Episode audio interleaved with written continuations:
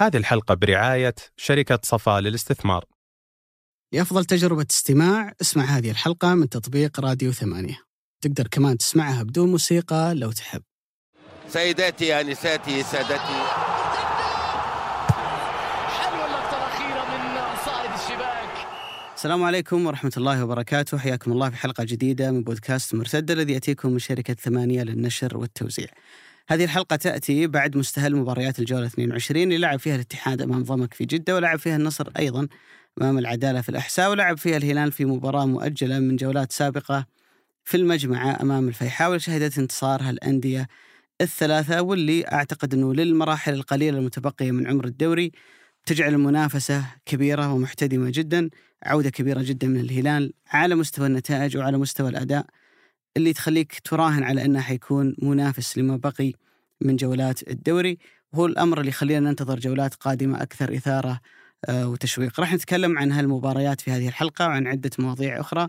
رفقة العزيز الغالي أبو سعود خالد القحطاني طبت صباحا. يا أهلا وسهلا. حياك الله أبو علي. شلون الصيام معك للحين أبو الحمد؟ لله. لا الأمور طيبة. كنا الزحمة خافة شوي ها اي إن شاء الله ولا زود. مبكرين. لا إن شاء الله إنها تخف زود. طبعا الناس ما تدري إحنا نسجل الساعة 10 صباحا. في آه، يوم دوامات ويوم صايمين. ولكن نرجع نقول عشان هذا هذا التوقيت عشان نصادف الوقت الذهبي اللي الناس تحب تسمع فيه البودكاست لأن لو تأخرنا إلى المساء ما راح يكون جزء كبير من تحليل المباريات له قيمة. صاير أتوقع الرجعة من الدوامات آه، أكثر عسرا من الذهاب يعني. أوه. العصر ازدحام شديد ولو وصلت بدري غالبا أنت بتطلع تمشي. فأعتقد أنه هالوقتين مناسبة أنه أنت إلا فعلا. تسمع فيها. أتوقع أبو علي في واحدة من أكثر ال- الحلقات اللي فيها كذا زحمة مواضيع. مم. وكلها صراحة تستحق وقت أطول بس أكيد إحنا ما راح نطول إحنا صايمين. صحيح صحيح. لكن مثل ما قلت أنت عندك جولة عندنا جولات الدوري اللي كسب فيها ثلاثة الأندية اللي أتوقع أنها اليوم هي منافسة على بطولة الدوري. عندنا برضو آه، استقالة هيرفي رينارد من منتخبنا. وهذا واحد من أكثر الأشياء اللي صدمتني في الفترة اللي راحت صراحة. مم. كأنه كان أسبوع مجنون يا أبو سعود. مو تخ... ثلاثة. تخل آه، جاء مكان ناجلزمان. نجلزمان يمكن يروح يرجع تشيلسي. اللي ما له إلا فترة قصيرة مع تشيلسي مشى. ورينار يبدو لي إنه هو اللي خلانا ومشى. صح. فأسبوع حافل بالإقالات. فعلا وفيها فوضى. أنت متخيل أبو علي لو إنه تشيلسي كذا مع انه والله ما, ما, يعني ما هو شيء مستغرب إني يقول تخيل لأنه تويت بوي اللي هو مالك تشيلسي يعين جريزمان أو يقنعه بأي شكل طبعا يقنع بالكاش طبعا أكيد إنه ما راح يقنع بالفيا بيقنع بالكاش وتشوف بوتر يعني أو تشوف نجريزمان مرة ثانية في دوري الأبطال. هذا غير إنه طبعا اليوم كل تقريبا خلينا نقول هذا الصراع اللي جالس يصير في الدوري الإنجليزي وإحنا جالسين نتكلم من بداية الموسم إنه أفضل دوري في العالم وصل لأفضل مرحلة في العالم. الا انه ما عمر ال Premier League وصلت فيه إلى الجولة تقريبا 29 في 13 عملية اقاله هذا شيء كبير جدا. ثنتين منها طبعا كانت صايرين. إحنا اعقل منهم يبدو لي اي إلى حد ما. لكنها أكيد إنها نموذج غير مثالي هذا الموسم. نموذج يعني ما هي عينة مثالية بسبب إن إحنا لعبنا شهرين ثم وقفنا كأس عالم ثم رجعنا ثانية. ففعلا هو موسم مجنون. وهالأسبوعين برضو كانت مجنونة. صحيح. أنا أعتقد إنه في اللي يهمنا اللي هو موضوع رينارد أه أتوقع إن الغالبية يتفقون هو اللي خلانا ومشى يعني. يعني هو؟ أكيد هو اللي خلانا شوف وبأمانة أنا استغربتها منه لسبب واحد يعني. إذا ما لك رغبة تستمر ليش شدت إلى 27 وإذا لك لك رغبة إنك تمشي بعد كأس العالم ليش مشيت بعد كأس العالم على طول يعني؟ تروح وأنت ممكن خلاص وصلت إلى البطولة الكبرى اللي أنت تستهدف إنك تشارك فيها وإلى حد ما الأداء كان جيد.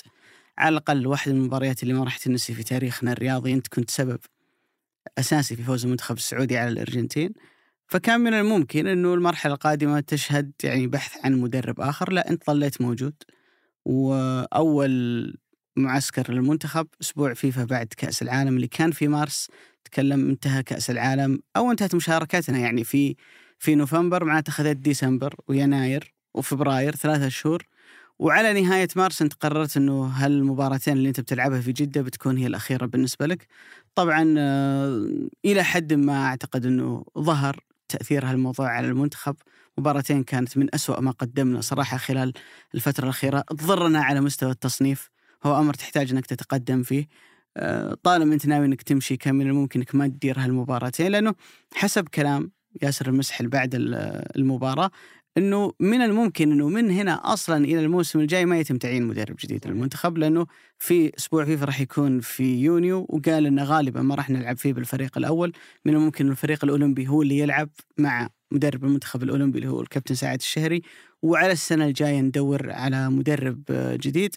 فأعتقد إنه رحيله كان مفاجئ و إلى حد ما أنا صراحة ما أقدر ألوم الجماعة في الاتحاد السعودي لأنه دائما أنا أقول إنه العنصر الوحيد في المنظومة الخاصة بكل فريق كرة قدم من رئيس مجلس إدارة مدرب أجهزة مساعدة لاعبين الوحيد اللي ما تقدر تجبره يشتغل هو ما هو براغب هو المدرب.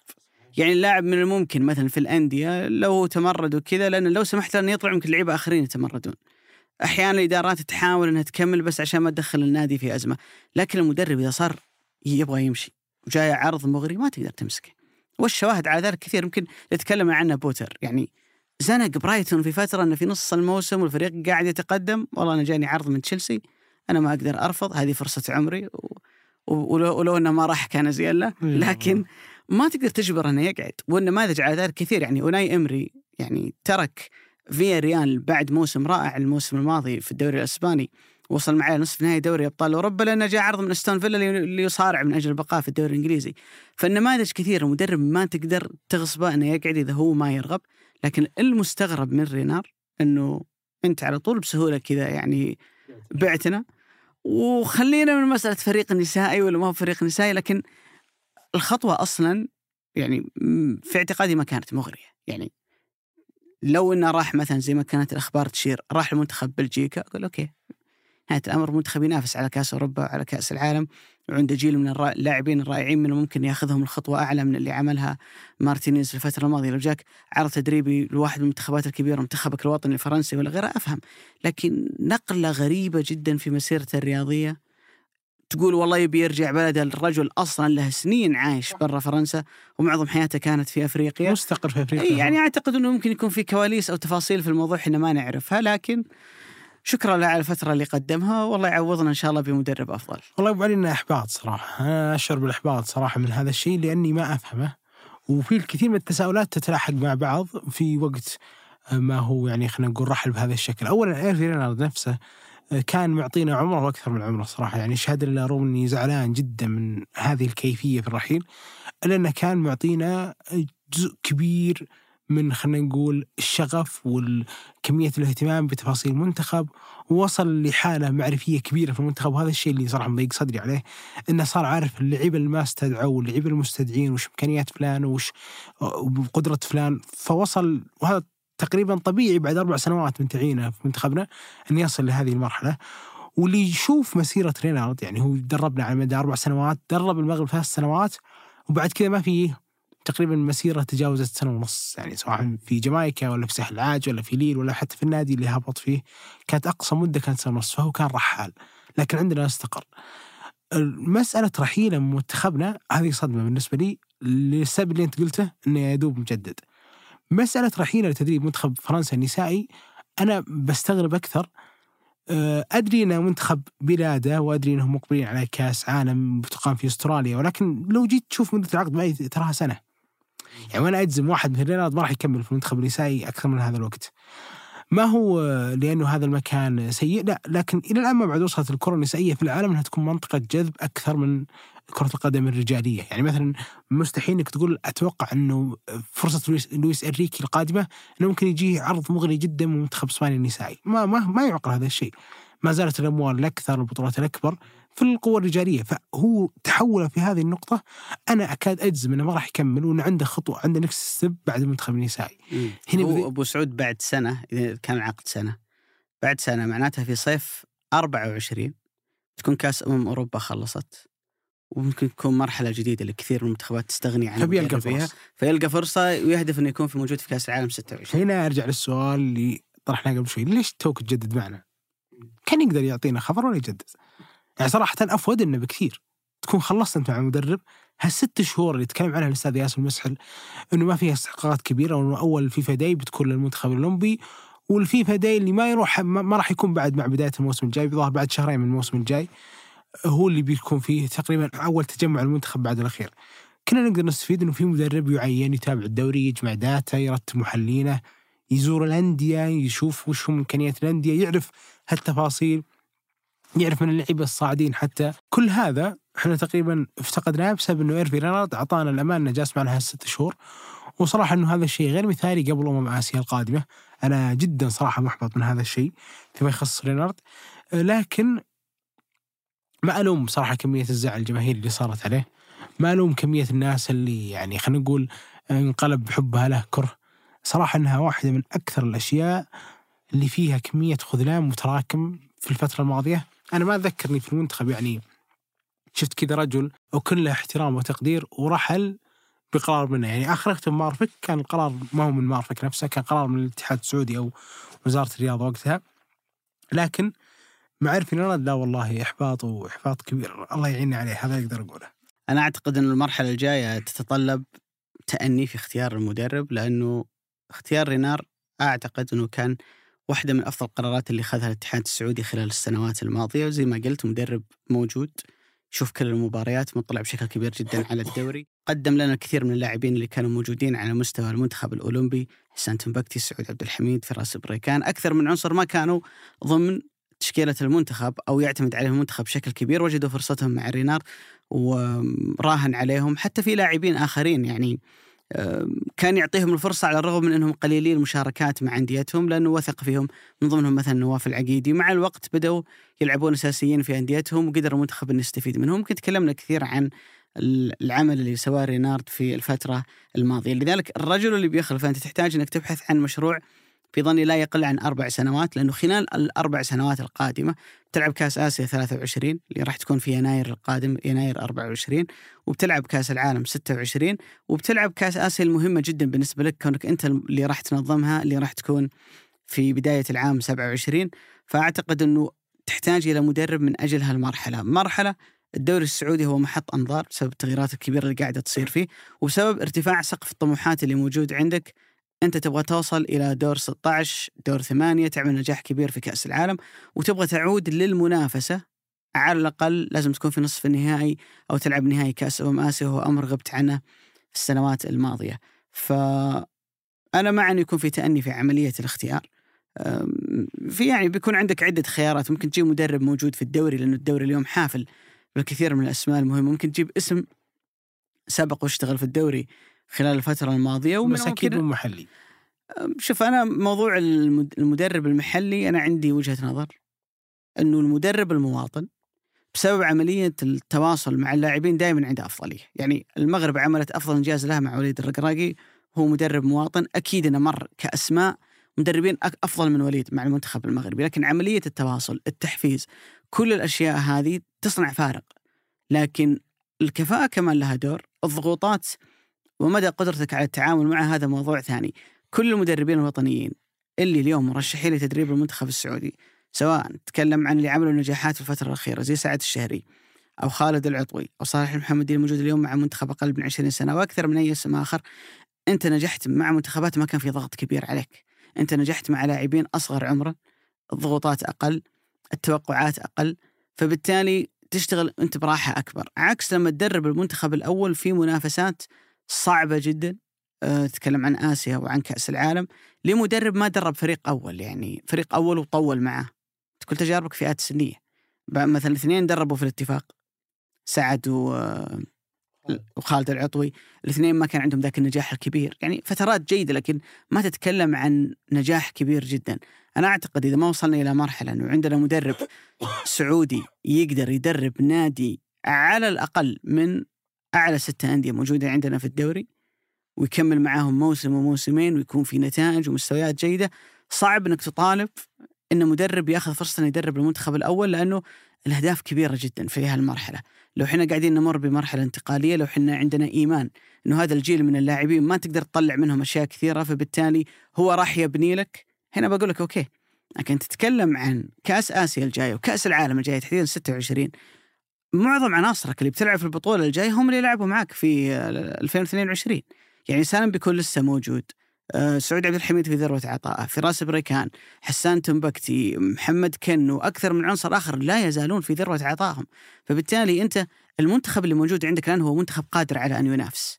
فبالتالي عشان تاخذ أفضل أداء منهم تحتاج إلى مدرب خبير ولكن المهم أنه يكون هالمدرب مثل ما قلنا عنده رغبة إنه يشتغل مثل ما كان رينار الفترة الماضية وعنده تجربة وخبره تدريب المنتخبات لذلك أتوقع إنه عملية الاختيار صعبة لكن تتطلب تأني ان شاء الله يوفقون الجماعة في اختيار مدرب يعني يخلف رينار ويكون إن شاء الله أفضل منه. أنا عندي مشكلة مع المدرب الوطني أو المطالبة بالمدرب الوطني أبو علي إنها دائما تغض الطرف عن مسألة الكفاءة. إنه هل هو كفؤ أو لا؟ ما ودي أذكر أسماء ولكن أكيد إنه دورينا اللي يخلو اليوم من أي مدرب محلي ما يقدر يعطيك عينة كافية إنك تقدر تقول هذا المدرب عنده هذا القدر من المباريات نجح فيها فهو عنده الكفاءة إنه يقود المدرب الوطني. علي أنت ذكرت وليد الرقراقي، وليد الرقراقي درب الوداد وأعتقد درب آه فاز معاهم بدوري لا، أبطال آه، افريقيا. قبل الوداد. في في في نادي ثاني برضو من الأندية الكبرى في المغرب برضو دربها فتح الرباط. فتح الرباط ثم سافر الدحيل. ثم رجع للوداد وحقق مع الوداد اللي حقه هو أصلا خبرته كلها كانت في فرنسا كلاعب قبل ما يكون مدرب. فعنده تراكم خبرات ونجح مع ناديين جماهيريه كبرى وحقق فيها دوري. الفترة الثانية مع الوداد حقق فيها دوري وحقق كأس آه، أفريقيا. وبعد ذلك نجح على مستوى المنتخب. فهو عنده هذه الخبرة هذه النجاح، إحنا ما عندنا صراحة هذه النوعية من المدربين ابدا ولا آه، سياق الدوري يخليك تتوقع إنه في مدرب يظهر بهذا الشكل. بس أنا أخاف صراحة كثير من مسألة المدرب الوطني لأني أشوف برضو يعني واحدة من أكثر النماذج اللي تملك زخم مهاري وزخم من اللعيبة على مدى يعني 20 24 سنة ماضية ومع ذلك فشلت فشل ذريع بشكل متكرر لأنها وقفت في دائرة المدرب الوطني اللي هي البرازيل. سكولاري بعد ذلك دونجا ثم رجع دونجا مرة ثانية واضح انهم خلاص بيكسرون هالعقده عشان أنشيلوتي لأن أنشيلوتي يعتقدون إنه مدرب كويس عنده فرصة وقريب لعيبتهم كون ميليتاو وفينيسيوس ورودريجو في. وكاسيميرو من قبلهم في مدريد فهذه النوعية من المدربين الحين تخليهم يكسرون هذه القاعدة. الأرجنتين وإن كانت نجحت مع سكالوني في آخر شيء دخلت في ذا الدوامه لدرجه انها في سنة من السنوات عينت ثلاث مدربين سامباولي وباوزا في واحد ثالث برضو معهم فكانت عندهم أزمة كبيرة إنه ما يدرب المنتخب إلا شخص هو مدرب وطني. بلجيكا وإن كانت يعني خلينا نقول ما هي تجربتها مع مارتينيز ناجحة بس ثورتها اللي بدأت من يعني خلينا نقول 2014 في الم- في المونديال و2016 في اليورو وبعد ذلك آه 2018 والأخيرة 2022 يعني أخذت الثالث في 2018 كانت لأنهم يعني أخذوا مدرب يعتقدون إنه يوافق إمكانيات لعيبتهم لعيبتهم اللي هم من أقطاب متعددة يتكلمون ثلاث لغات بس هذا المدرب هو. هو الكفؤ فأنا دائما مع إنه بغض النظر عن جنسيتك هل أنت كفؤ ولا لا وأنا ضد تماما اللي يطالب بمدرب وطني سعودي بس لأنه سعودي لأنه مع احترامي وتقديري ما راح نروح بعيد وممكن أحد يجي يضرب أمثلة بالمنتخب الياباني مثلا آه وين كان دربهم دربهم خليلوفيتش في الفترة الماضية إلا إنه برضو حتى المنتخب الياباني لما يجي يدرب واحد في المونديال مدرب ياباني تلقاه عنده في رصيده ما لا يقل عن 200 مباراة في الدوري الياباني. مثلا أو إنه صعد مع أوراوا نهائي أو ما إلى آخره أندية كوريا نفس الشيء. فعندهم تراكم خبرات يقدرون بعد ذلك يفرزون من أصل عشر مدربين. هذا ينفع هذا ما ينفع. إحنا ما عندنا صراحة ولا هو صراحة تشريف. هو يعني المكان هذا للأفضل اللي بيعطينا الأفضل. ما هو شيء يعني خلينا نقول يعني نكرم به أحد لأن نحاول أن نفاخر فيه. يعني هذا الشيء. فأتمنى مثل ما قلت أن ربي يكرمنا بمدرب ينسينا للغد ما كان هذا الشيء صعب. لأن فخامة وجودة المسكن تلامس حياتنا اليومية بدأت شركة صفا من رؤية تطوير مختلفة. أهم أولوياتها رضا عملائها وجودة حياتهم. اعرف أكثر عن صفا للاستثمار من الرابط الموجود في وصف الحلقة.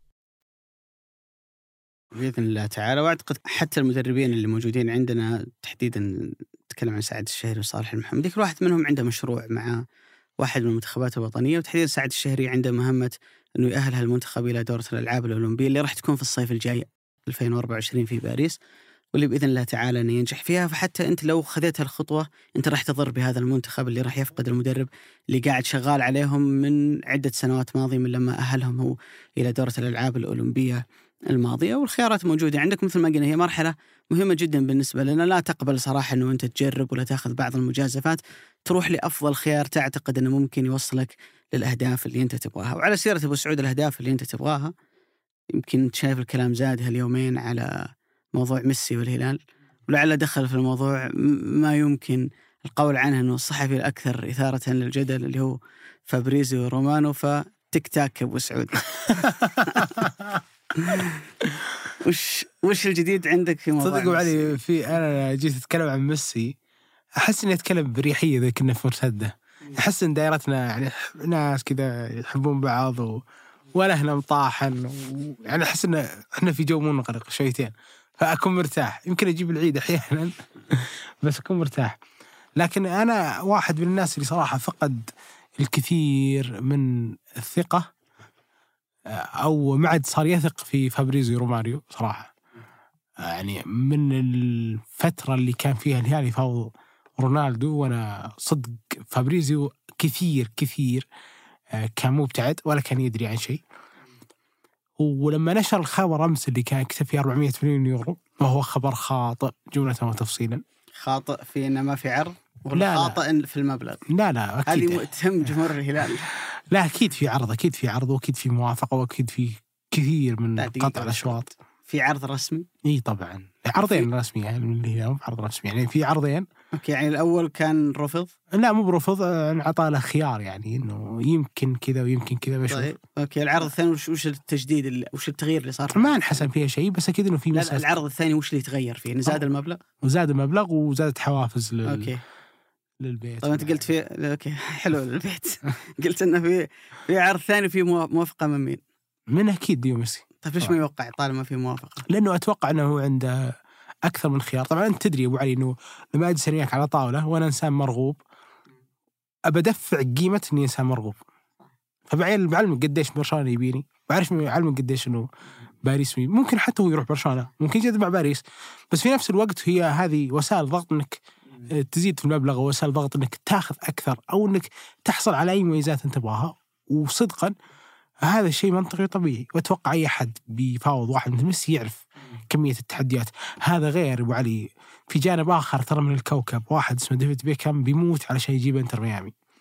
يعني في واحد مستميت في ذاك المكان يسوي كل شيء عشان يجيب إنتر ميامي. فلس عشان عشان تحس إن أخبار إنتر ميامي خفت شوي؟ حتى وخفت لنا حقيقة. حتى وخفت لنا حقيقه بس أنا أعتقد لو جيت تقول لي خالد من أصل هالأربع خطوات قسم بقول لك ما لا يقل عن 40% إنه بيتوجه للريال عني أنا. اي هذا توقعي الشخصي. توقعك توقعي. الشخصي. بس أنا تقول أكيد تقول في عرض رسمي وفي موافقه الحين تقول لي توقعك الشخصي. لا توقعي إنه إذا عندها الاربع خيارات إنه بيتوجه إلى لو بقسمها تقول لي بقول لك 40% بيروح للهلال. لأنه اولا على مستوى الفوارق المالية فرق كبير ما بين عرض باريس خل إنتر ميامي وخل برشلونة اللي هم أقل. عرض باريس الأول اللي الحين عاد هو أتوقع على طاوله على ميسي. أعلى من راتبه السابق. أعلى من راتبه السابق. أتوقع إنه يوصل ل 40 مليون يورو. هو طيب هو راتبه. الحالي تقريبا 40 مليون يورو. إي هو راتبه 40 مليون يورو في الصافي. وفي عليهم ضرائب فوق 90% أعتقد إذا وصلت هذا النوع من المبالغ في آه، باريس. باريس كان رافع وبعد ذلك أعتقد إنه ما وصلوا لوفاق الهلال كان واصل إلى ضعف الرقم في ذاك الوقت. اللي هو تقريبا كان في يناير. فعشان كذا أنا قستها من هذا الجانب إنه في اثنين كانوا ماخذين سقف عالي. أحدهم تقريبا ابتعد وبقى واحد. وفيه واحد يغري بمسألة إنه إنه الكوره في أمريكا بتنتعش إنه الدوري الأمريكي بينتعش إنه في ثورة هناك في أمريكا وإلى آخره. وفي جانب آخر في برشلونة يحاول يستميت إنه يجي ميسي. طبعا عشان أكون صادق كان في فكرة وأنا متأكد منها وأتوقع بيني قلت لك قبل شهرين قبل ما تطلع هي على السطح إنه كان عنده وجهة نظر اني ممكن العب سنة برشلونة بعدين يجي. ما أدري هل هذا الشيء بيصير ولا لا بس أتوقع بالنسبة لي أنا كقراءة كواحد يقرأ المشهد أرى إنه من الصعب جدا جدا صراحة إنه بيتوجه لبرشلونة. الكثير من الاعتبارات. اولا الرقم المحطوط. أتوقع 9 مليون يورو من نادي برشلونة. آه الشيء الثاني كمية المشاكل اللي دخل فيها مع آه لابورتا بعد رحيله. مو بوقت رحيله لا بعد رحيله من برشلونة. الا انه كل شيء وارد. أنا ما كنت صراحة أفهم نقطة إنه بروح برشلونة سنة بعد ذلك ممكن أتوجه. يعني يمكن يبحث عن ختام لائق يعني لمسيرته. يمكن وارد صراحة جدا. لكن اللي أنا أقدر أجزم فيه ال 400 مليون يورو اللي نشرت أمس. مو بصحيح. يعني كم أقل بكم؟ يعني أتوقع أقل ب 30% 40% مم، حول مبلغ رونالدو تقريبا. إيه تقريبا. تقريبا. شوف أنا أبو سعود أنا قراءتي للمشهد. لو قلنا الآن في أربع أطراف ممكن ميسي يكون ما بينها، إنتر ميامي ما عندي صراحة معلومات كثير عن إنتر ميامي لكن الكل قرأ يعني في الأخبار الصحفية إنه حتى الفكرة في الدوري الأمريكي إن أندية الدوري الأمريكي كلها يقطون في راتب ميسي لأنه ميسي بيرفع المشاهدات في الدوري الأمريكي فيصير جزء من الراتب اللي بياخذه ميسي تدفع الرابطة أو بالتضامن ما بين ال- MLS الظاهر yes. رابط الدوري الأمريكي فهذا يوريك انه قديش إن الوضع ماليا عندهم ما يكون مغري بشكل كبير، لكن كان في أخبار إنه ممكن يحصل على أسهم في النادي تكون موجودة معاه على مدى الحياة وهذا يمكن فيها عامل إغراء. بالنسبة لبرشلونة وضع برشلونة في مش في يده لأنه رابطة الليغا تيباس قاعد يضغط عليهم بشكل كبير جدا في مسألة إنه سقف الرواتب واصلا مطالب النادي إن السنة الجاية يخفض سقف الرواتب لأنه تضرر كثير بخروجه من دوري أبطال أوروبا هالموسم. وفي كلام إنه ممكن إنسو فاتي يطلع يمكن بوسكيتس يطلع فبالتالي يقلصون الرواتب اللي موجودة عندهم في الفريق. فصعب جدا إنك تقدر تجيب ميسي وحتى العرض اللي تكلمت عنه الصحافة حوالي 10 مليون آه، يورو. تخيل إنك أنت في برشلونة لابورتا تشافي أي واحد ينتمي لبرشلونة وفي أخبار صحفية تسأل في مؤتمر صحفي ولا في مقابلة عن عودة ميسي. آخر شيء أنت ممكن تقوله إنك بتقول لا والله ما نبي ميسي والله إحنا أمورنا تمام وماشيين صح وعندنا لعيبة صغار المفروض إنهم يعني نعطيهم فرصة في الفترة القادمة لأن الجمهور بيقلب عليك 180 درجة.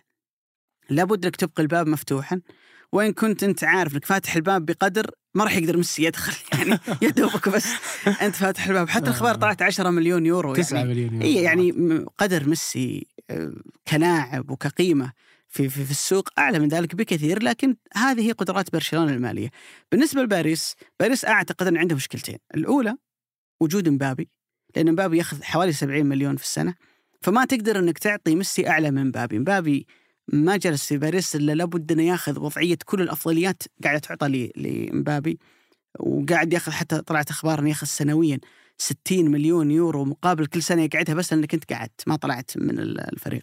فما تقدر إنك تعطيه أعلى من من مبابي وحتى لو أنت حاولت تزيد العرض سيظل دائما أقل من عرض الهلال. ماليا كل شيء يشير إلى إنه العرض المقدم الميسي طبعا كنت نتكلم عن عرض سعودي الآن واضح إنه العرض من الهلال إنه عرض الهلال اعلى من ذلك بكثير. آه، فالمنطق يقول إنه إذا هو بيمشي مع الجانب المالي تكلم عن عقد طويل الأجل ما راح يكون سنة واحدة يعني بيكون أتوقع ثلاث سنوات على أقل تقدير. ومن الممكن حتى يكون في بعض بنود العقد اللي مرتبطة يعني بالترويج وبعض الملفات الأخرى من الممكن أن يستمر حتى بعد الاعتزال. فبالتالي هو هي فرصة مغرية جدا بالنسبة لميسي. وأنا أرجع أقول الكلام اللي قلته في تغريدة البارح أه ولو كنت تشرى بالنفيس بذلته ولو أن حبات النقود قلوب. واحد زي ميسي يستاهل أي ريال تحطه فيه. أولا لأنه ميسي النجاحات الكبيره اللي هو جاي منها وجايك وهو لسه ما حيكمل سنة من فوزه بكأس العالم. احتمال كبير السنة الجاية يفوز بالكرة الذهبية وهو لاعب موجود عندك في الدوري وجايك من أعلى نجاح ممكن بالنسبة ل له بفوزه بكأس العالم. لاعب يراه الكثيرين وأنا منهم أتوقع إنك كمان أنت أبو سعود. ت- أيضا تتفق معي في رؤيه انه أفضل من لمس كرة القدم في التاريخ فبالتالي لاعب زي هذا مجيئه إلى دوريك بهذا الاسم وهذا الصيت وهذا النجاح هو مكسب كبير جدا.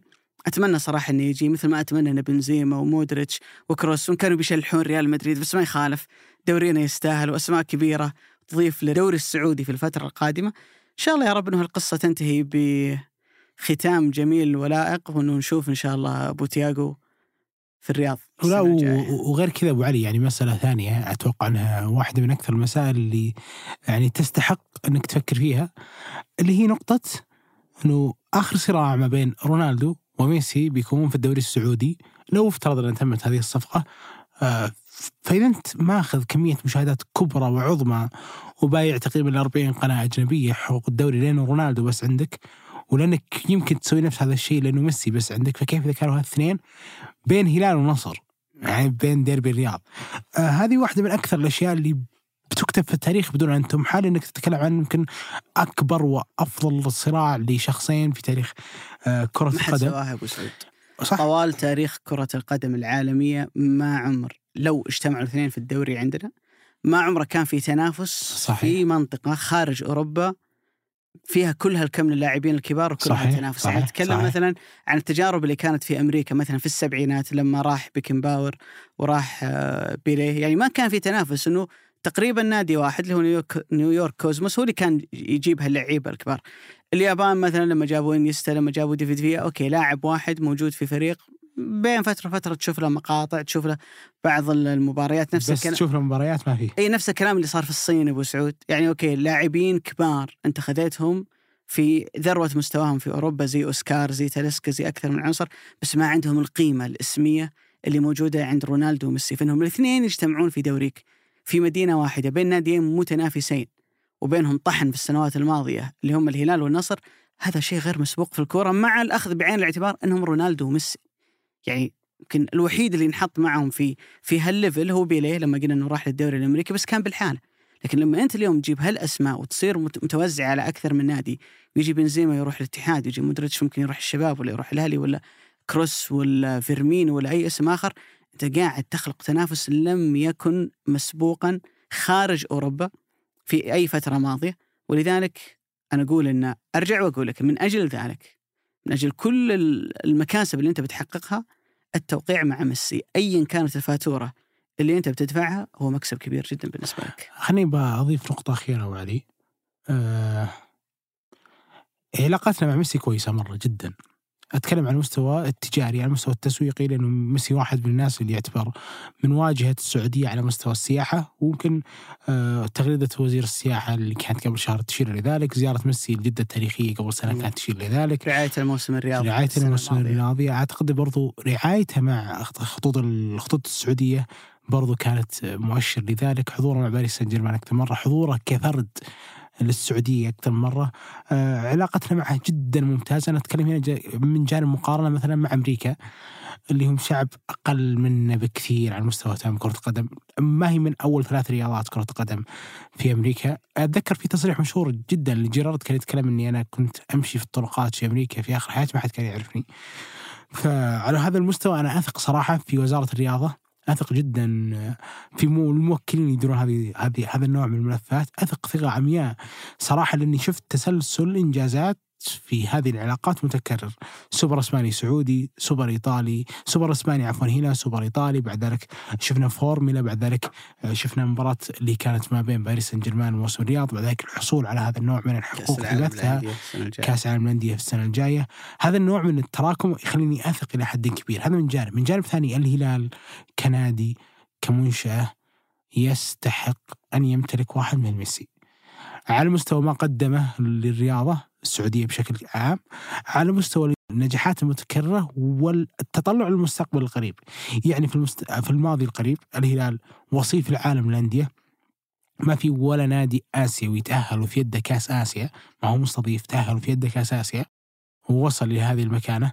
كلهم كانوا يخرجون من اللاتينيين وأحيانا حتى من الأفارقة. وبعد ذلك آه، تحقيق لبطولة دوري أبطال آسيا مرتين. اللي هم يوم هو يلعب المرة الثالثة على التوالي تحقيق لبطولة الدوري ثلاث مرات تحقيق لبطولة الدوري من آخر ست مرات خمس مرات على مستوى تصدير اللعيبة السعوديين. لو جينا تشوف حتى على مستوى أنا اتذكر تصريح بيريرا مدرب فلامينغو في المؤتمر الصحفي اللي لحق أو إنه سبق مباراته مع الهلال. قال هذا الفريق في ثمانية لعيبة كانوا أساسيين من قد كانوا أساسيين في كأس العالم الماضي وكسبوا بطل العالم الأرجنتين في أول خسارة الارجنتين من 36 لقاء في أول خسارة الارجنتين وهي الوحيدة على مستوى المونديال اللي هي حققته. فالهلال كمنظومة يستحق انه يمتلك شخص كميسي إذا افترضنا أنه بيتوجه إلى آسيا آه، أعتقد أنه بتكون يعني واحدة من أكثر النقلات وفي جانب آخر أنا أحيي صراحة وأكابر في إدارة الهلال الحالية اللي تقريبا هي الحين تعيش آخر شهرين من رئاستها الحالية. يمكن تجدد يمكن ما تجدد. لكنها جالسة تبني بكثير للمستقبل القريب لها سواء كانت هي موجودة أو لا. آه، وبتكون واحدة من أكثر الخطوات وأكثر واحد واحدة من أكثر النجاحات للهلال كعلامة تجارية في العالم بعد أن غير شعاره الأخير. إنك بعد سنة بإذن الله وتكون حامل لقب دوري أبطال آسيا وتكون حققت ثلاثة دوري أبطال آسيا من آخر أربع نسخ. وتستضيف بطولة كأس العالم للأندية ويشوف العالم كله أوه هذا ميسي يحمل شعار النادي اللي لعب ضد ريال مدريد في وصافة العالم في النسخة اللي تسبقها. فهذا التراكمية لعلامة الهلال التجارية جدا جدا آه، فارقة تسويقيا عالميا حضورا. يعني اسم الهلال على مستوى العالم كله كان يصدح صراحة في النهائيات أو في المونديالات الماضية بعد مباراة مع تشيلسي بعد فوز على فلامينغو. بعد أداء عظيم مع فلامينغو في 2019 وكسب الترجي وبعد حتى الأداء اللي قدمه في آه، النهائي قدام ريال مدريد وإن كان خسر لأنه سجل ثلاثة أهداف على ريال مدريد. فأتوقع وأتمنى أن يكون نهاية هذا الموضوع خير وأنت استشهدت في واحدة من الأبيات الشعرية الفصحى وأنا ما أحب الأبيات الشعرية الفصحى. أنا أحب آه، يعني خلينا نقول الأشياء القريبة لنا وأتذكر دائما يعني واحدة من أكثر الأبيات اللي دندن عليها بنوره يا حلم الأيام الشداد أبطيت أقول الله كريم. فأنا أقول الله كريم إن شاء الله. الله كريم. خلينا نرجع للدوري أبو سعود.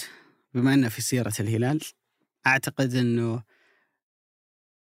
مهما حاولت إنك تستبعد الهلال من المنافسة وتعتقد إنه الهلال عنده أهداف ممكن في يد منطقية أكثر من الدوري إلا إن نتائج الهلال المستويات في الفترة الأخيرة تقول لك لا الفريق لسه موجود.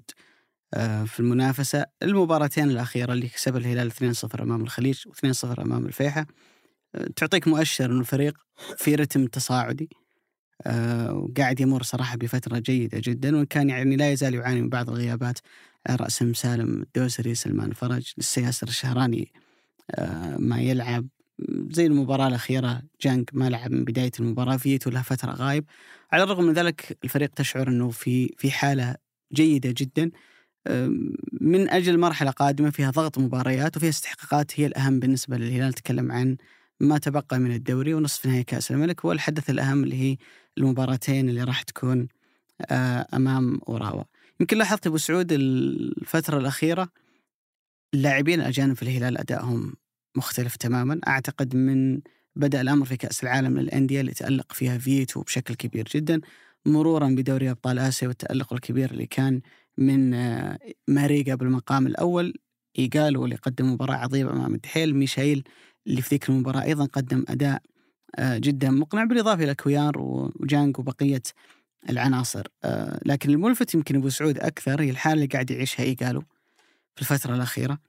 من بعد كأس العالم الرجل لعب تسع مباريات سجل فيها 14 هدف. يعني تتكلم عن تقريبا معدل هدف ونص.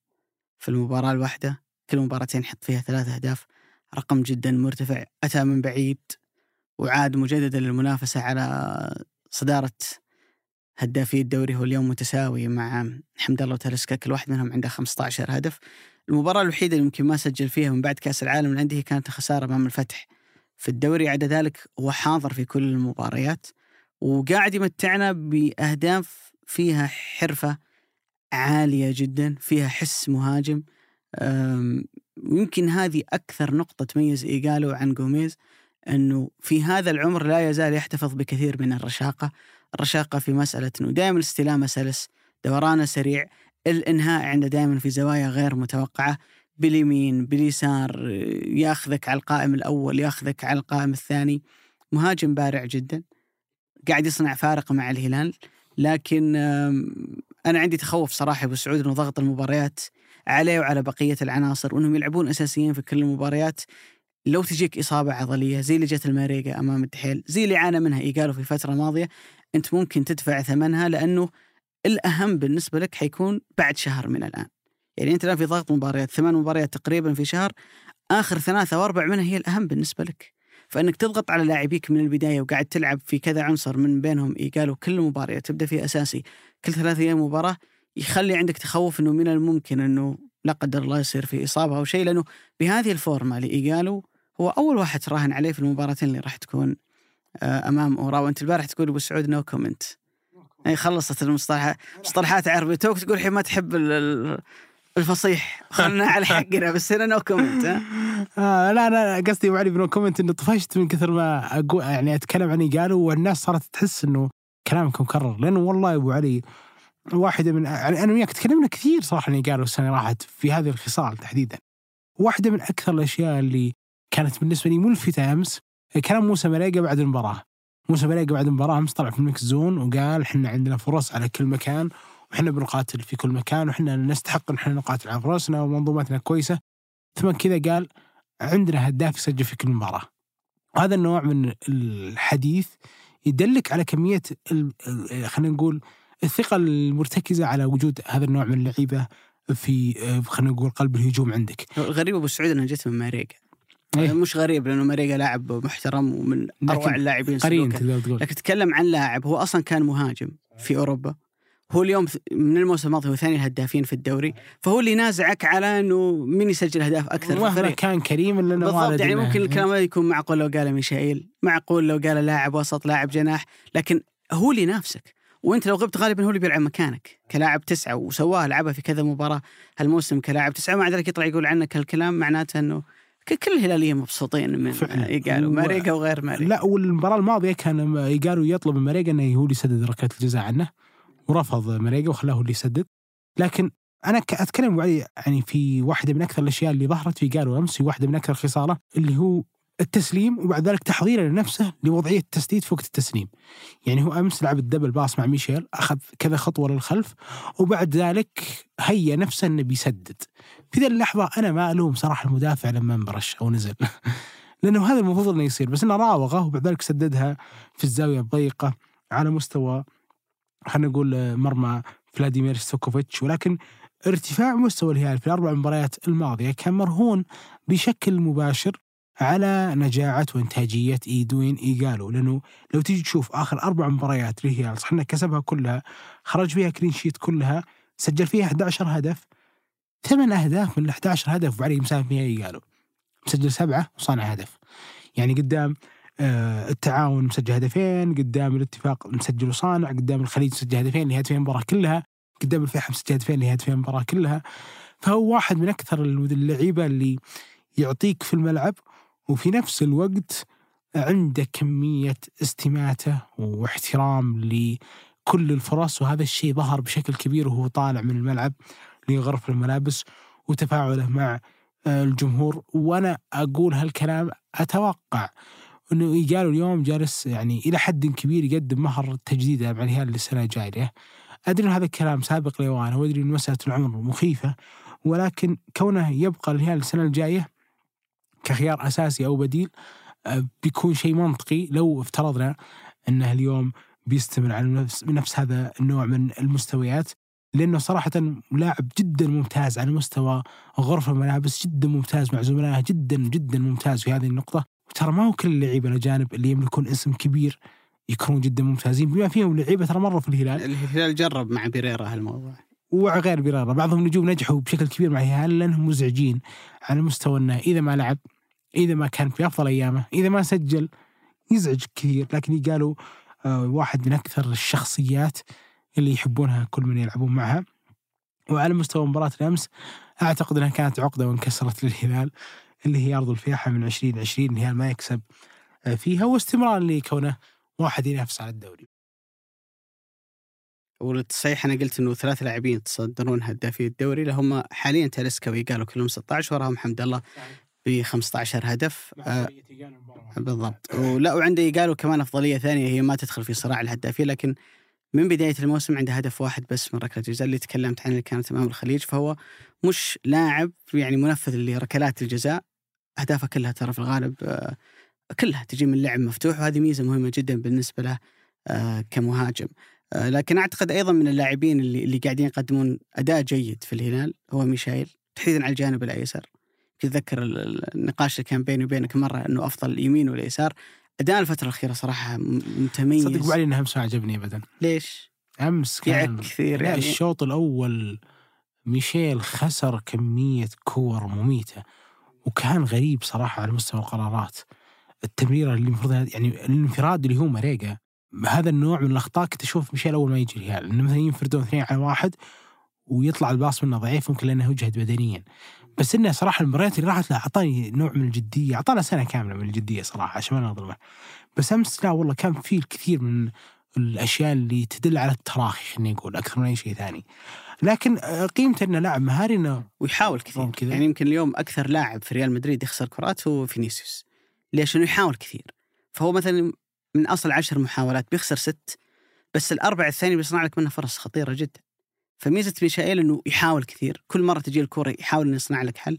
عمل اثنين assist في المباراة هذه نقطة جدا تحسب بالنسبة له. وفي تناغم كبير جدا بس أمس صراحة وبين عليه. هو وكاريو فقدوا ممكن أربع كور كلها وصلت مرمى المعيوف عدا واحدة أفتكر احمد البريك قبل ما تصير انفراد أنا أتكلم على مستوى إنه مثلا أنت من فردين اثنين على واحد تعطي pass على ورا وهذا ال pass يصير مرتدة بشكل مباشر. الشوط الأول تحديدا إلى ما قبل الهدف صراحة كانت في كمية ال- الأخطاء كثيرة على ميشيل. مع إنه ترى واحد من أكثر اللعيبة اللي أنا أحبهم صراحة وأقاتل عليهم وأشوف إنه مثل ما قلت أنت أبو علي إنه واحد من أكثر اللعيبة اللي يحاولون إلا إن أمس كان عنده التركيز أقل من المعدلات المعتادة. ما أدري صراحة إذا كان هذا الشيء يعني يتعلق بحالته البدنية بعد الضغط اللي جاه بعد ما أصيب سالم صار يلعب في كل المباريات وأغلب المباريات يكملها كاملة أو لا. آه لكن بالتأكيد إذا كان هو في اسوء أيامه وعنده اثنين assist فهذا شيء كويس. أعتقد على سيره التركيز أبو سعود يمكن ما في نادي اليوم مركز على هدف أكثر من تركيز الاتحاد على أن يتوج بهذا الدوري. سؤال قبل كم يوم كوزمي كونترا بحكم المباراة بين الاتحاد وضمك قال إنه وش تقول للاعبين عشان يتعلمون من درس الموسم الماضي قال ما أقول لهم شيء. هم عارفين إن الدوري الموسم الماضي درس لابد الاتحاد يكون واعي جدا بالنسبة له وأعتقد إنه يمكن أكثر شيء بيساعد الاتحاد انه يفوز بالدوري هالسنة لو فاز فيه إن الفريق تعلم من درس الموسم الماضي. وتعلم منه أصلا شلون المنافسة إلى آخر جولة وتعلم منه إنه ما تترخى في أي مباراة ضد أي منافس مهما بدت لك المباراة هذه إنها مباراة من الممكن إنه أنت تستسهلها ولذلك الفريق في كل مباراة يدخل بأفضل تشكيلة ممكنة والملاحظ في الاتحاد إنه قاعد يبدأ المباريات بشكل قوي يعني قاعد يقدم أشواط أولى ممتازة آخر مباراتين فايز بالخمسة على الفتح فايز بثلاثة على ضمك. الأرقام هذه وهذا الكم من الأهداف اللي أنت تشوفها مسجلة يمكن ما تعودناها من الاتحاد اللي كان يكسب بفارق هدف على الأقل في الفترات الأولى آه، من بداية ال- ال- الموسم. أعتقد إنه الاتحاد في رتم تصاعدي أكثر من أي فريق آخر موجود في الدوري. ويا أخي قاعد يطربني كورنادو كثير. يعني أعتقد إنه يمكن واحدة من أكبر النجاحات اللي عملها نونو سانتو كذا تسوي له قائمة بالنجاحات اللي عملها أوكي أحمد شراحيلي center back يمين أوكي طلع زكريا هوساوي كمان حلو تحسب لك. لكن أكبر نجاح هو سواه أنت قصدك تصدر زكريا هوساوي إنك أنت كذا يعني في بعض اللاعبين انت ثبتهم اعطيتهم الفرصة وكانوا رهان بالنسبة لك. لكن أنا أعتقد إنه تطلع يعني تجلس على لا لا. تطلع يعني إنك تبرزه آه، لكن أكبر نجاح أنا أعتقد بالنسبة لنونو سانتو شلون وظف رومارينيو كورنادو وحمد الله دون أن تشعر إن في شيء غلط بالفريق. وبأمانة يعني زمان كان في ابو سعود لاعب ال- الحر. العشرة اللي يتجول في الملعب زي ما يبغى والكل يخدم عليه اللي وانت تتابع المباراة تحس إنه ما له مركز ثابت، يعني كنا نشوف الكلام أيام يمكن طارق التايب كماتشو تشيكو في الاتحاد نوعية هاللاعبين. وانت تشوف كورنادو في المباراة ما تقدر تعرف له مركز. شوي تلقاه على اليمين، شوي تلقاه على اليسار، شوي تلقاه متراجع زي حالة الهدف الأول اللي هو يعمل لك الباص العميق اللي تقريبا من يعني في نفس منطقة دائرة المنتصف، شوي تلقاه موجود قدام. فقاعد يستفيد منه بأكثر من من طريقة. ولا تشعر أنه حاجة زايدة على الفريق في ظل وجود رومارينيو وحمد الله. وكان في كلام هالموسم مش من الموسم الماضي أنه الثلاثة ما ينفع يلعبون مع بعض ولكن نجح نونو سانتو. وهذا ترى النجاح الكبير لأي مدرب إنك لما يكون عندك لاعبين بهذه الإمكانيات وهذه الخصائص تحاول تستفيد منهم كلهم، تحاول توظفهم بأفضل طريقة تطلع من كل واحد منهم آه، أفضل أداء، فأعتقد إنه هو أخذ جائزة لاعب الشهر الماضي أفضل لاعب في شهر مارس وهو يستحقها بلا شك، وكمان في مباراة الأمس قدم أداء جدا ممتع، فكل شيء في الاتحاد يصير بطريقة مثالية من أجل إنه الفريق يكمل من هنا إلى نهاية الموسم. يعني فارق نقطة واحدة عن النصر. تعثر في مباراة انتصار النصر حيقلب الموازين لكن تحس إن الفريق جدا مركز ماشي إلى هدف معين. وأعتقد إنه الاتحاد أقرب من أي وقت مضى انه يتوج بالدوري. أنا أقول علي في نقطة ايجور كورنادو في فرق كبير جدا ما بين العشوائية واللامركزيه يا ودك تشوف العشوائية تذكر الاتحاد في آخر أيام مع كوزمو كونترا. أنا بحددها بالأسماء عشان ما أكون أظلم. مباراة الفتح مباراة الطايف مباراة الهلال. إذا بتبي تشوف اللامركزية شوف من بعد فترة ما صاروا يشاركون الثلاثه مع بعض. آه، كمية التناغم بينهم. بما فيهم طلع عبد الرزاق الحمد لله إذا طلع برا منطقة الجزاء. كمية انتاجيتهم هجوميه كمية التفاهم إنه في حال إنه أنا تواجدت وضغطت في هذه المنطقة فأنت بتكون في المنطقة المعاكسة لأننا كلنا الاثنين جالسين نأدي نفس هذا الدور. ولا في نوع من الاتكالية في هذا الموضوع وأنا صراحة أشيد بشكل كبير للجهاز البدني في نادي الاتحاد لأنه ما في لاعب في الاتحاد تقدر تقول هذا اللاعب والله عنده مشاكل على مستوى خلينا نقول الحالة البدنية. من النادر جدا. هي ترى عبد الرزاق حمد الله اللي تعرض لموقف سيء بداية الموسم إنه متوقف ما اخذ رتم المباريات مع ذلك ما تحس في في الاتحاد نوع من خلينا نقول الضعف اللياقي والبدني. هذا جانب. في جانب ثاني وهو جانب يعطيك أفضلية في وقت إنه العالم كله ما يسجل من ركلات الزاوية إلا 3% إنه الاتحاد يسجل بشكل متكرر من ركلات الزاوية وبشكل دائم يسجل من سناترا. يعني لو تيجي تشوف أمس حجازي سجل هدف الرابع مع أحمد شرحيلي سجل ثلاث أهداف. تتكلم عن سبعة أهداف سجلها السناتر من كرات راسية. معدل جدا مرتفع. أنت شفت بعد بالمعدل العالمي. سعود حجازي؟ لا. بعد المباراة يعني سئل عن هالموضوع قال إحنا نتدرب عليها كثير لدرجة إن إحنا صرنا حافظين بعض. طبعا اللقطة في الإعادة جابت حجازي قبل التنفيذ.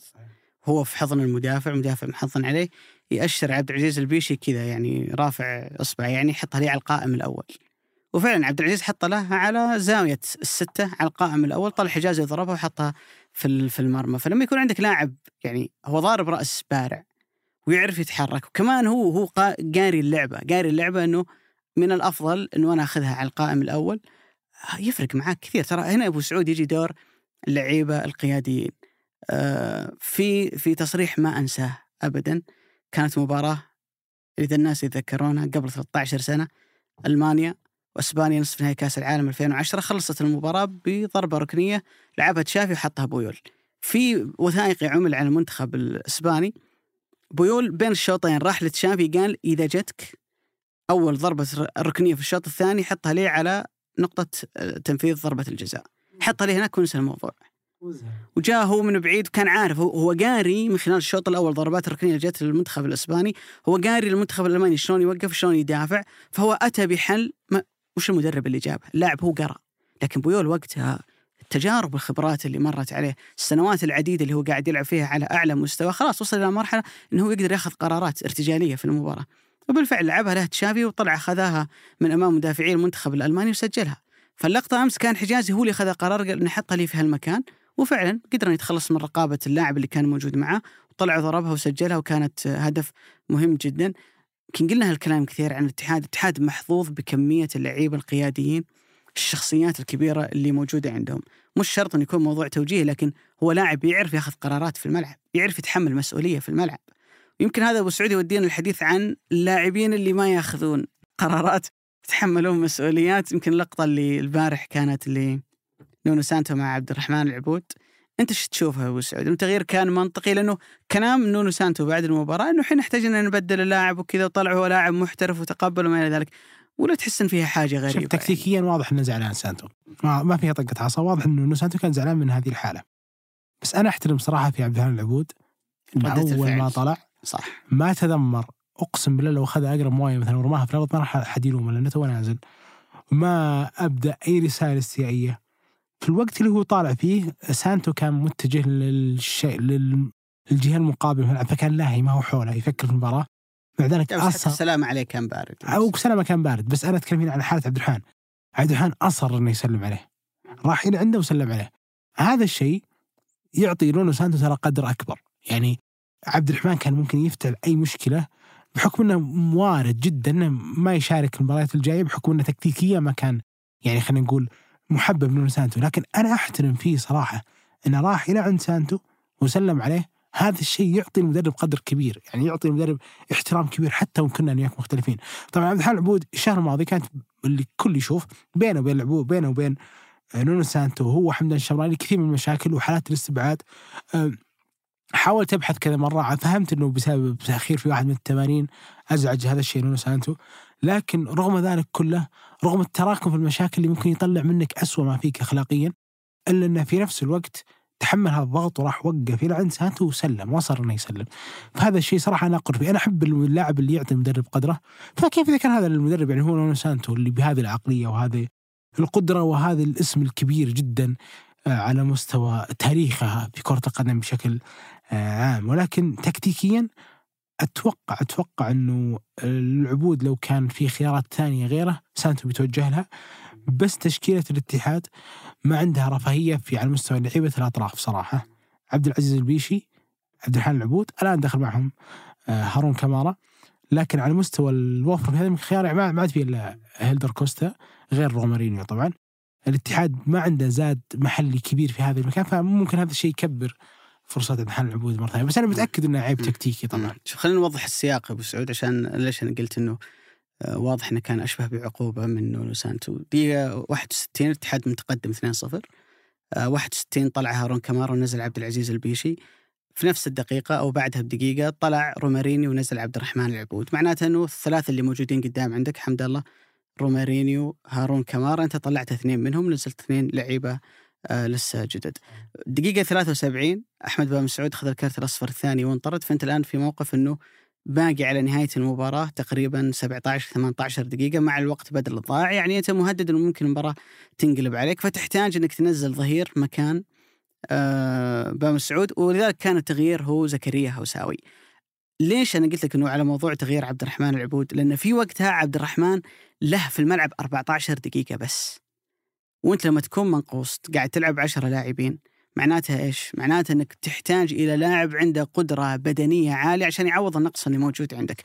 منطقيا هل أسحب لاعب مكمل 75 76 دقيقة في الملعب زي حمد الله زي كورنادو عشان ما نتكلم عن لاعبي المحاور ولا نزل اللاعب اللي تو نازل له 14 دقيقة هو لسه fresh لسه قادر إنه يعطيني وحتى لو الفريق هذا بيتقدم ويضغطني أنا أقدر أستغل المساحات اللي موجودة في ظهره كون عبد الرحمن العبود أسرع لاعب في في تشكيلة الاتحاد على الأقل في في الجانب الهجومي. فما كان صراحة في جانب منطقي أبدا وأنت تغير اللاعب. من خلال مقطع انتشر أمس يعني كان في توجيه أو مشادة من المدرب واللاعب في الملعب. من خلال إعراض نونو سانتو عنه لما جاي بدلة. أنا ماني هنا قاعد أحاول أقول لك إنه في مشكلة في الاتحاد. بالعكس واحد من أهم أسباب اللي قاعد يعيش الاتحاد حاليا هو النظام اللي حطه نونو سانتو. الاتحاديين أنفسهم يعرفون إن واحدة من اللي خسرتهم الدوري الموسم الماضي هي الفوضى اللي جت على نهاية الموسم. المأدوبات الاحتفال قبل ما الاحتفال ومأدوبات العشاء اللي كانت موجودة والمفاطيح وكل الأشياء اللي ما كان ينبغي أنها تكون في الاتحاد.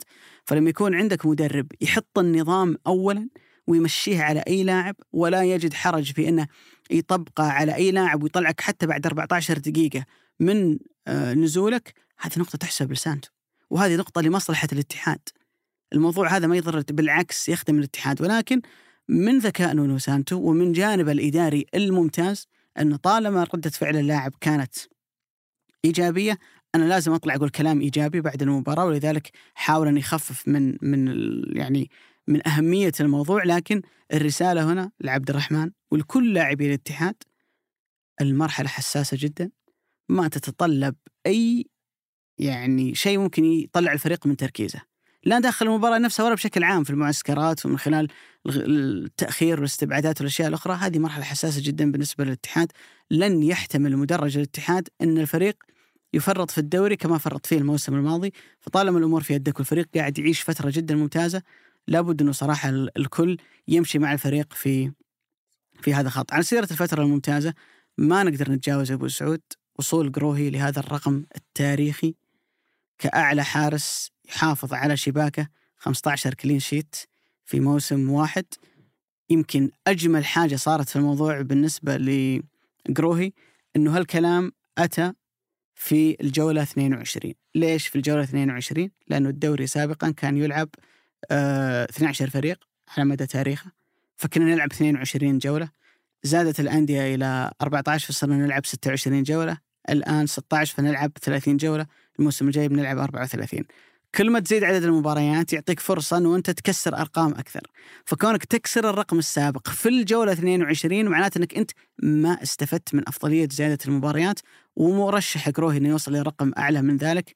خلص الكلام فيه صراحة يا أبو يا أبو سعود. يعني ما في جديد يقال عن كروهي غير أنه آه، يعني يحظ الاتحاديين فيه. أنا واحدة من أكثر الأشياء اللي صراحة تعجزني هي الحديث عن مارسيلو جروهي وقد تكلمت أنا وياك علي قريب في حلقة ماضية على حتى تطوره بالقدم وعلى احترافيته على مستوى إنه يعني يعني جاء الاتحاد وهو مكسور اليد وجبر صراحة قلوب الاتحاديين على سنين ماضية كثيرة. على مستوى حراسة المرمى مبروك زايد إلى أن وصلنا لقروهي ترى الاتحاد هذا المركز فيه حساس وغير مستقر. شفت كثير من الحراس بما فيهم لهم تجارب في أندية ثانية. بما فيهم عطوا كذا سنة جيدة لأنه ما في أحد عطى الاتحاديين الأمان كامل الأمان أكثر من قروهي في الوقت اللي الاتحاد يعاني في الوقت الاتحاد شاف شبح الهبوط في وقت ما الاتحاد مبتعد عن آسيا في وقت ما الاتحاد مبتعد عن بطوله الدوري في وقت ما الاتحاد اليوم هو أفضل فريق في الدوري في وقت ما الاتحاد اليوم يملك أفضل خط دفاع في الدوري يملك واحد من أفضل خطوط هجوم في الدوري ويملك أفضل مدرب في الدوري. تغيرت الظروف تغيرت الأسماء تغير اللاعبين المحليين والاجانب الكل تغير. القروهي كان وما زال وسيبقى هو القيمة الثابتة في مرمى الاتحاد. وطبعا أفضل حارس أجنبي أنا شفته في تاريخ آه، دورينا. أنا ما أقدر أقول إنه مهما ارتفع سقف الحراس الاجانب سيظل قروهي هو هذا السقف. ما في أحد بيجي ونقول أوه هذا على الرتم على قروهي هو بيظل هذا السقف العالي على كل الحراس الاجانب وسيظل الجميع على مستوى الجماهير الأندية الثانية.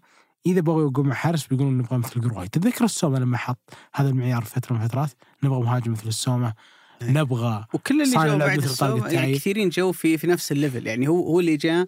تشعر كما لو أنه فتح لك باب جديد وهو غير صحيح. مسبوق بالنسبة لك. صحيح. اقراهي هو الآن أتوقع المستمر على ذلك.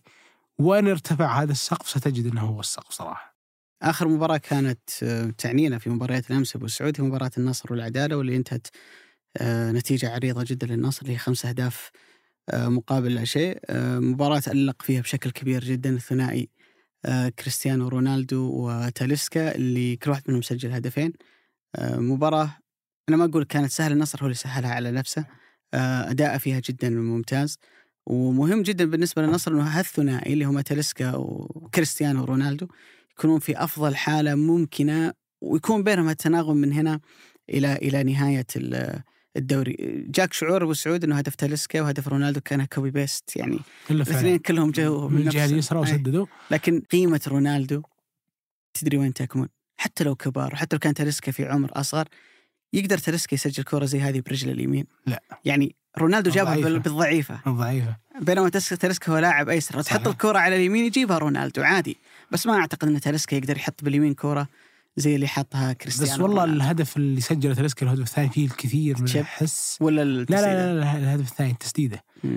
ترى اللاقي اللي جاء الحارس لأنه كان يتوقع انها مم. عرضيه كلنا كنا نتوقع انها عرضية هذا النوع من القرارات اللي ياخذك في غفلة وهو لاعب يعني من حضور إندرسون تاليسكا إلى اليوم أتوقع إنه سجل ثمان أهداف من خارج منطقه الجزاء ما في أحد يقترب منه من هذا الرقم وبكل تجرد والله انه قيمه نوعية في العالم أجمع على مستوى التسديد من خارج المنطقة.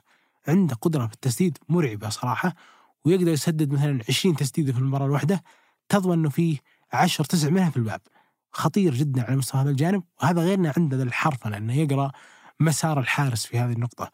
الحارس الفيحة أمس لما آه، خذانا لحظات ما تحرك بعد ذلك قفز ووضح ان قفزته متاخره ما هو لأنه أم، خلينا نقول عجز عن هذه الكرة لا لأنه تريسكا خادعة فيها سددها أرضية من مكان الكل متوقع حتى لو بتتسدد تسدد عالية. يعني عالية معاكسة أو عرضية ما راح تسددها أرضية. كيف أسددها أرضية في هذا المكان؟ فهو واحد من أعظم اللعيبه اللي صراحة شفتهم في هذا الجانب. لكن في الجانب الجماعي أنا أعتقد أبو علي هذه واحدة من أكثر المباريات اللي حسيت فيها بالتكاملية في تشكيلة النصر. يعني الشيء الوحيد اللي كنت أنتظره في مباراة الأمس للنصر إنه أوسبينا يكون الحارس بس بسبب الاصابه هذا الشيء ما راح يصير. بينما خط الدفاع كله مثالي. آه حتى حراسة المرمى نواف العقيدي قبل ما يطلع مصاب مثالي. مع روسي يعني حتى يوم نزل عطاك. تذكر علي مسولفه اياك قلت لك إنه عنده نقطة الكرات الطولية مو طبيعي فيها. لكن على مستوى حراسة المرمى آه، على مستوى آه، لويس كوستافو وحتى عبد الملك عبد الخيبري آه، تاليسكا عبد الرحمن غريب إضافته في هذا المكان كثالث آه، خلينا نقول آه، لاعب خطير في الشق الهجومي مع آه، تاليسكا ورونالدو. يعطيك هذا البعد زاد ذلك ايمن يحيى أمس. واحدة من أكثر الأيام اللي حسيت عند النصر تكاملية على مستوى الشق الهجومي ما هو معتمد على فرد أو فردين. وهذا الشيء لما يجي في آخر مسار الدوري ترى غالي جدا جدا جدا. لأنه انت بتمر في مباريات بتفوز فيها بالواحد صفر. ودك إنه يكون عندك هذا النوعية من التعدي ودك يكون عندك لاعب شاب وقصير وسريع مثل آه، عبد الحليم غريب يخلق لك مشاكل في المساحات ودك يكون عندك راس حربة فتاك مثل رونالدو ودك يكون عندك لاعب ما يكاد يكل ولا يمل من صنعة الخطورة في الكرات الرأسية مثل ما سوى في الشوط الأول ولا حتى في الكرات بعيدة مثل ما سجل اللي هو أندرسون تاليسكا وذكي جدا صراحة بشكل مذهل في التحرك خلف الدفاع وهذا الشيء ظهر على مستوى الهدف الثاني ولا حتى أيمن يحيى يكون عندك شاب في الطرف الأيمن. على مستوى التكاملية صراحة عجبني النصر جدا في مباراة الأمس وكانت من أكثر المباريات ندرة إني أشوف فيها تكاملية في تشكيلته. أنا بتكلم أبو سعود عن آه، شيء عجبني وشيء ما عجبني خلينا نبدأ بالشيء اللي ما عجبني كريستيانو رونالدو في فترته مع ريال مدريد اللي هي يمكن الأطول زمنا لو تحاول تسترجع الأهداف اللي هو سجلها مع ريال مدريد تلاقي فيها ركلات حرة. زي اللي سجله كريستيانو أمام أبها الهدف الرائع الجميل اللي كان في الجولة الماضية. بتلقى فيها ركلات جزاء وقاعد يسجل ركلات جزاء مع النصر. وبتلقى فيها تسديدات عن بعد وقاعد يسجل كريستيانو رونالدو من تسديدات عن بعد مثل الهدف اللي كان أمام العدالة هدف الثاني مثل الانفرادات اللي كان يحصل عليها في مباراة الوحدة وفي مباراة ضمك آه، لكن في نموذج أبو سعود متكرر في أهداف كريستيانو رونالدو أنا ماني قاعد اشوفها في النصر. الكرات العرضية سواء الارضي منها أو العالي يعني لما جاء كريستيانو للدوري السعودي كان كلنا عندنا تخيل إنه من يستطيع أن يوقف هذا اللاعب اللي عنده أرقام قياسية وإعجازية في الارتقاء من انه يستغل الكرات العرضية. كم سجل هدف رونالدو من ضربة رأسية كرة عرضية؟ حطها بالرأس سجلها هدف من لما أتى للنصر أحاول أعتمد على الذاكرة كما انه سجل ولا هدف بالطريقة هذه إنه كرة عالية وضربها بالرأس. رح لما هو أبعد من ذلك كم فرصة خطرة جت رونالدو من لما وصل للنصر؟ كانت فرصة خطيرة بهذا الشكل. ما أتذكر الكره اللي كانت على قروهي في مباراة كأس السوبر. رح للنموذج الثاني اللي هي العرضيات الأرضية لعلنا كلنا شفنا مباراة السيتي وليفربول اللي عذبهم جوارديولا بفكره إنه الفريق يتسلسل في الهجوم الكرة بعدين تروح للطرف محرز ولا ولا جريليتش وبعدين عرضها بعد ذلك. تحس إنها هجمة أنت شفتها 200 مرة في المباراة. إنه كرة على الطرف وبعدين تتعرض يجي دي بروين يجي جندوجان يجي مدري مين يحطها يسجلها في في المرمى. مين اللي يخلق هالنموذج؟ المدرب. اللي يخلق هذا الفكرة إنه كل جناح يوقف على أقصى طرف الملعب. إحنا نطلع بالكورة من النص بعدين نطلع الكورة على الطرف بعدين يدخل للعمق لأن كل جناح يلعب عكس القدم المفضلة بالنسبة له. بعدين ينتظر اللحظة المناسبة والثغرة ويحطها عرضية ويجي واحد ويسجلها أنت عندك أحسن واحد يعرف يسجل من هالنوع من الأهداف. كثير من أهدافها مع ريال مدريد كانت بهذا الشكل. كانت عرفت الكرة السهلة اللي داخل ال 18 اللي بس تحتاج الركنة لأن رونالدو بارع جدا في إنه يخدعك. في إنه مثلا يحطك على مثلا يد اليسار وبعدين يقطع على القائم الأول هو حاجزك ويقطع القائم الأول. ذكي في عملية إنه دائما يخدع المدافعين في عملية التحرك. كم فرصة خطرة حصلها رونالدو بهذا الشكل مع النصر؟ اليوم هو قاعد يسجل في حلول منه ومن تلسكا لكن هذه حلول أوكي المدرب له دور فيها لكن بصمة المدرب الكبيرة إنك المفروض إنك تخلق نظام لعب قاعد يخدم على هالاثنين. وعلى رونالدو تحديدا في هالنوع من الكرات اللي هي الكرات العرضية سواء العالي منها أو الأرضي بأمانة بوجود هاللاعب وبوجود تاليسكا اللي طوله فوق ال 190 عندك اثنين ممتازين في عملية الضربات الرأسية. أنت ما أنت قاعد تخلق فرص كفاية لهذا الثنائي. أنت ممكن ما تحتاج هالحل في مباراة زي مباراة العدالة أنت قدرت أنك تسجل في البداية وتسهل عليك المباراة. لكن تجي مباريات أنت بتعاني تحتاج أنه هالحل عندك يتطور أكثر. نشوف النصر يعتمد عليه بشكل كبير لما يتأخر في النتيجة زي اللي صار مع أبها أو في مباراة الباطن إنه خلاص في الدقائق الأخيرة أنا أرمي بكل أوراقي وأسهل طريق الوصول للمرمى إنه ألعب كثير عرضيات. لكن كنظام لعب كهيكلة فريق إنك الكرة تتسلسل بشكل إلى أنك توصل إنها في الثلث الهجومي تقدر توصل فريق بعدد كبير وبعد ذلك تلعب عرضيات. أنا أشوف هالموضوع مفقود في النصر. اللي تابعوا المعسكر الصيفي اللي كان في أسبانيا في لقطة شهيرة فيديو كذا انعمل عن رودي غارسيا كان يوقف التمرين ويوجه اللعيبة ويعطيهم تعليمات في موضوع الكرات العرضية وكيف تعرض على القائم الأول على القائم الثاني. الشيء هذا بأمانة أنا ما شفته في المباريات الرسمية. أكيد أنه يشتغل عليه لكن ما أعرف هل الموضوع هو جودة التنفيذ؟ هل الموضوع أنه ما عنده عناصر بارعة كفاية؟ لأنه تعرف هالموسم الجهة اليمنى في نصر تأثرت كثيرا بتراجع مستوى السلطان الجهة اليسار ممكن ما يكون نصر عنده جناح أيسر مميز في عملية فتح الملعب بالعرض والتناغم مع كونان اللي هو واحد من أميز اللاعبين الموجودين في النصر لكن هي ملاحظة لابد أنها تقال حتى والنصر يكسب لأنه بتبان في المراحل القادمة أو في المباريات اللي النصر بيواجه فيها منافسين قادرين هم يصعبون عليه المباريات. وش الشيء اللي عجبني أبو سعود؟ يا أخي قاعد يعجبني بعد كل مباراة للنصر التغريدات اللي يكتبها كريستيانو في حسابه. أمس كذا دخلت حساب كريستيانو في تويتر أي واحد يبغى يعني يعيش التجربة اللي أنا عشتها. راح على خانة البحث في حساب كريستيانو واكتب تيم فريق. شوف تغريدات اللي هو كاتبها من لما أتى للنصر. بعد كل مباراة لازم يكتب تغريدة يشيد فيها بالفريق. لما اخذ جائزة أفضل لاعب في الشهر كتب تغريدة اشاد فيها بالفريق. حتى في التمارين حتى دائما كريستيانو لغته من لما أتى للنصر قاعد يلعب دور قيادي مهم جدا. حاولت أعمل مقارنة فترته مع مع مانشستر يونايتد سنة ونص. تقريبا ما تكلم عن الفريق يعني ما تكلم أحيانا مثلا ينزل تغريدات يقول لك إنه إحنا winning team الفريق اللي فاز في التدريبات أو كذا لكن لما يتكلم عن الفريق كمجموعة ويشيد بزملائه في سنة ونص يمكن ما كتب له ثلاث ولا أربع تغريدات عن زملائه في مانشستر. من لما أتى للنصر فترة قصيرة تكلم عن ثلاثة شهور. من بداية الانتقالات الشتوية الين اليوم رونالدو بعد كل مباراة لابد انه وغالبا ترى الصورة اللي استخدمها في تويتر في أي تغريدة هي صورة كذا للفريق مع بعض قاعدين يحتفلون بهدف اللعيبه متجمعين مع بعض قبل المباراة فالرسائل هذه جدا مهمة. رجل قاعد يلعب دور قيادي بأمانة أنا قاعد يفاجئني بشكل كبير جدا. وعشان كذا لما قلنا عن ميسي إنه نوعية اللاعبين مهما تدفع فيه مش خسارة. لأنه القيمة اللي بيضيفها لك فنيا وللمجموعة و... ولكل شيء هي لا تقدر بثمن. فأعتقد أنه وجوده في النصر. في هالجانب تحديدا. صحيح. جانب المجموعة جانب لمة الفريق احتواء الفريق. أنا أعتقد أنه مدرب ثاني. عندك مدرب أول اللي هو رودي غارسيا عندك مدرب ثاني اللي هو كريستيانو رونالدو. وهذا الشيء واضح كافعال حتى يا أبو علي مو بس أقوال أو تغريدات. يعني ما هو ما ما هو شيء للتسويق صراحة. أنا إلى الآن أتذكر آه، طلعتها بين الشوطين بعد مباراة الباطن. لما قال آه، أبدا ما هي مباراة سهلة اللي يقول مباراة سهلة. وكان غاضبان جدا. هذا الشيء يوضح لك قديش إنه كان محترم كثير آه، الباطن رغم معاناته. فتحترم صراحة في واحد في يعني اسم كريستيانو وما يحمله رونالدو من آه، كمية إرث كروي واليوم يعني آه، خلينا نقول في ال 38 من عمره لأنه لا يزال يمتلك هذا النوع من الشغف والقيادية. فمحظوظ كل واحد صراحة يلعب في نادي النصر مع في هذه الأوقات اللي هي نادرة في تاريخ أي لاعب آسيوي. كونه يلعب ب خلينا نقول آه، تشكيلة يحمل قيادتها واحد مثل رونالدو. فأتوقع إنه مثل هذا النوع من التحدي والشغف المستدام شيء نادر جدا وإحنا محظوظين فعلا جدا إحنا نشوفه ما زال في دورينا في هذه الأيام. إن شاء الله نصير محظوظين بخويه آمين. آمين. وصلنا وصلنا للختام أبو سعود شكرا لك. شكرا أبو علي. لا لا تخلينا نسجل إحنا صايمين تكفى.